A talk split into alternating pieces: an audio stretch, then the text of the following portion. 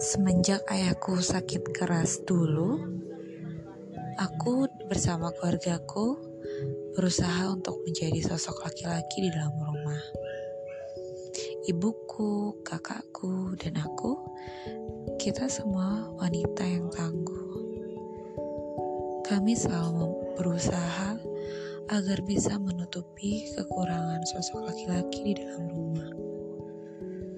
Tapi kenyataannya Ternyata di suatu rumah memang perlu ada sosok laki-laki. Ada beberapa hal yang tidak bisa dilakukan wanita, walaupun wanitanya tangguh.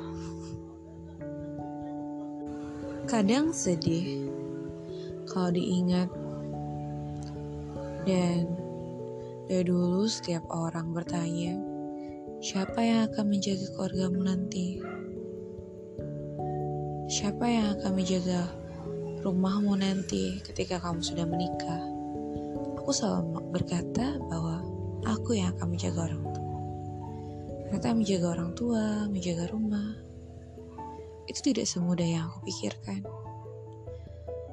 Banyak hal yang tidak bisa aku lakukan sendiri. Banyak hal dalam hidupku yang tak mampu aku lakukan seperti laki-laki pada umumnya.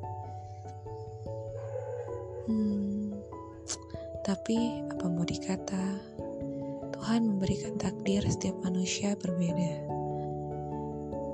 Sukses di satu sisi dan tidak sukses di sisi lainnya.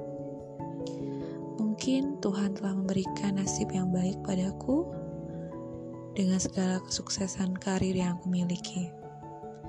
Belum sukses-sukses amat sih, tapi mungkin better dibandingkan cewek-cewek lainnya. Tapi di sisi lain, hmm, ya gitu deh. Kadang kalau ditanya, cari laki-laki seperti apa? Aku selalu berkata bahwa aku hanya mau mencari laki-laki yang lebih tangguh daripada aku. Bukan merasa superior, tapi lebih karena aku tahu aku sudah berproses untuk berusaha bisa menjadi laki-laki di rumah. Meskipun aku tetap wanita. ya, semoga aku dapat laki-laki yang bertanggung jawab, yang lebih tangguh daripada aku. Bye.